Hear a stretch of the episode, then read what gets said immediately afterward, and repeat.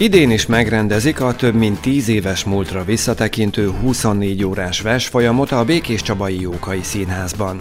Az egy nap leforgás alatt több kulturális intézmény tagjai, iskolás és óvodás gyermekek, illetve a színház társulatának tagjai is verseket szavalnak majd. Idén Petőfi Sándor születésének 200. évfordulója alkalmából a költő óriást idézik meg a résztvevők.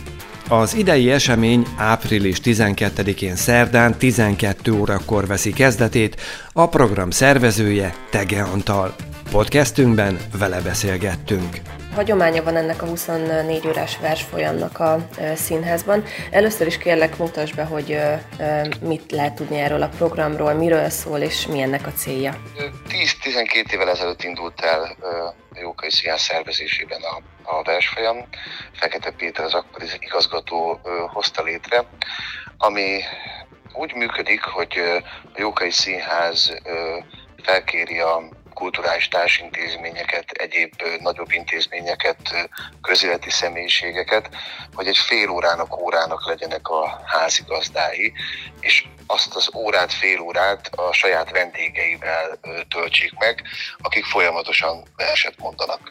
E, ez 24 órán keresztül tart, és így próbál a Jókai Színház is tisztelegni a magyar költészet napja előtt. Hogyan zajlott az előző években egyébként? Az előző években is hasonlóan már egy egy hónappal hamarabb kimentek a, a felkérő levelek, gyorsan megteltek. Ugye most a pandémia miatt volt egy pár év, ami, ami kimaradt, hiszen nem tudtunk közösen összegyűlni és verselni, és akkor most már van bátorságunk nekünk is újraindítani ezt a, ezt a versfolyamot. Az előző években egy kisebb teremben volt, de mivel nagyon sok iskola, óvoda is csatlakozik ehhez a kezdeményezéshez, ahol azért szerencsésebb, hogyha a szülők látják a gyerekeket, mint csak hallják az utcáról, ezért idén bevisszük a Sík Ferenc Kamara Színházba, tehát sokkal többen tudják élőben is nézni és hallgatni a verseket. Pontosan mi lesz egyébként a program, hogyan fog ez zajlani, kik vesznek most benne részt egyébként?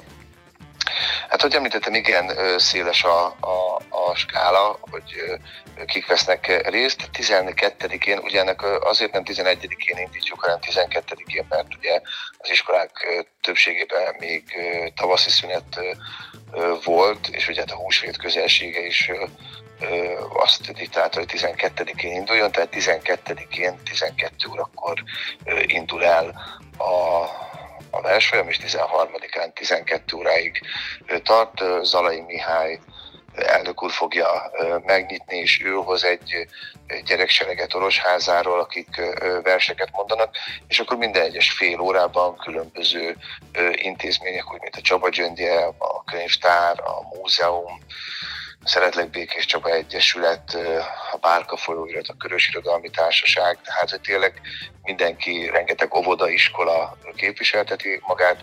Polgármester úr fél hatkor jön, és egy fél óráig ott van képviselő társaival, és az a fél óra az, amikor azok a Békés Csabai vagy megyei emberek is mondhatnak verset, akik jelentkeztek, tehát akik egyénileg szeretnének verseket mondani, és akkor 13-án 12 órakor pedig Herceg Tamás zárja, országos képviselő úr zárja a 24 órás versenyt, de a Szenitalháznak a József Attila szavaló versenye is közte van.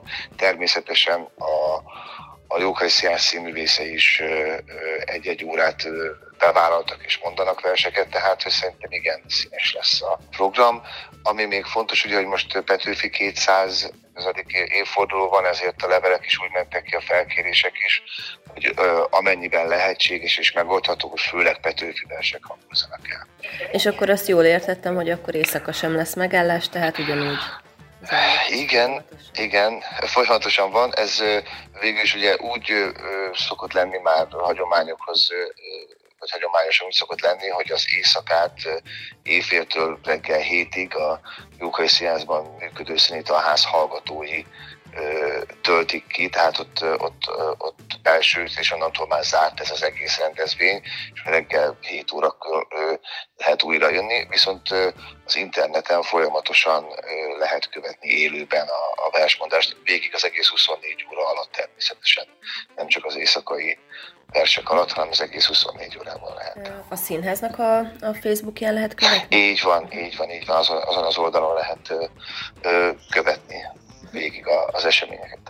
Egyébként mik a tapasztalataid, mennyire népszerű manapság a olvasás, vagy akár a versírás?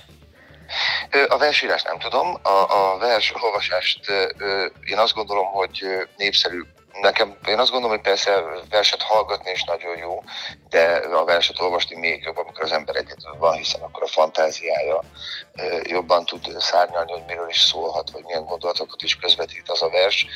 Én úgy látom és úgy érzékelem, hogy igenis van. Tehát, hogy azok a félelmek, amik régebben voltak, hogy majd az internet és a közösségi média el fogja venni az olvasás élményét a, az emberektől, azt szerintem azzal is lehet ellensúlyozni, vagy az is lehet bizonyítani ennek az ellentetjét, ugye, hogy a könyvkiadás például, ugye a könyvvásárlás hatalmas virágkorát éri az elmúlt években, tehát én, én nem tartok attól, hogy, hogy a vers az, az nem lesz részese az emberek életének.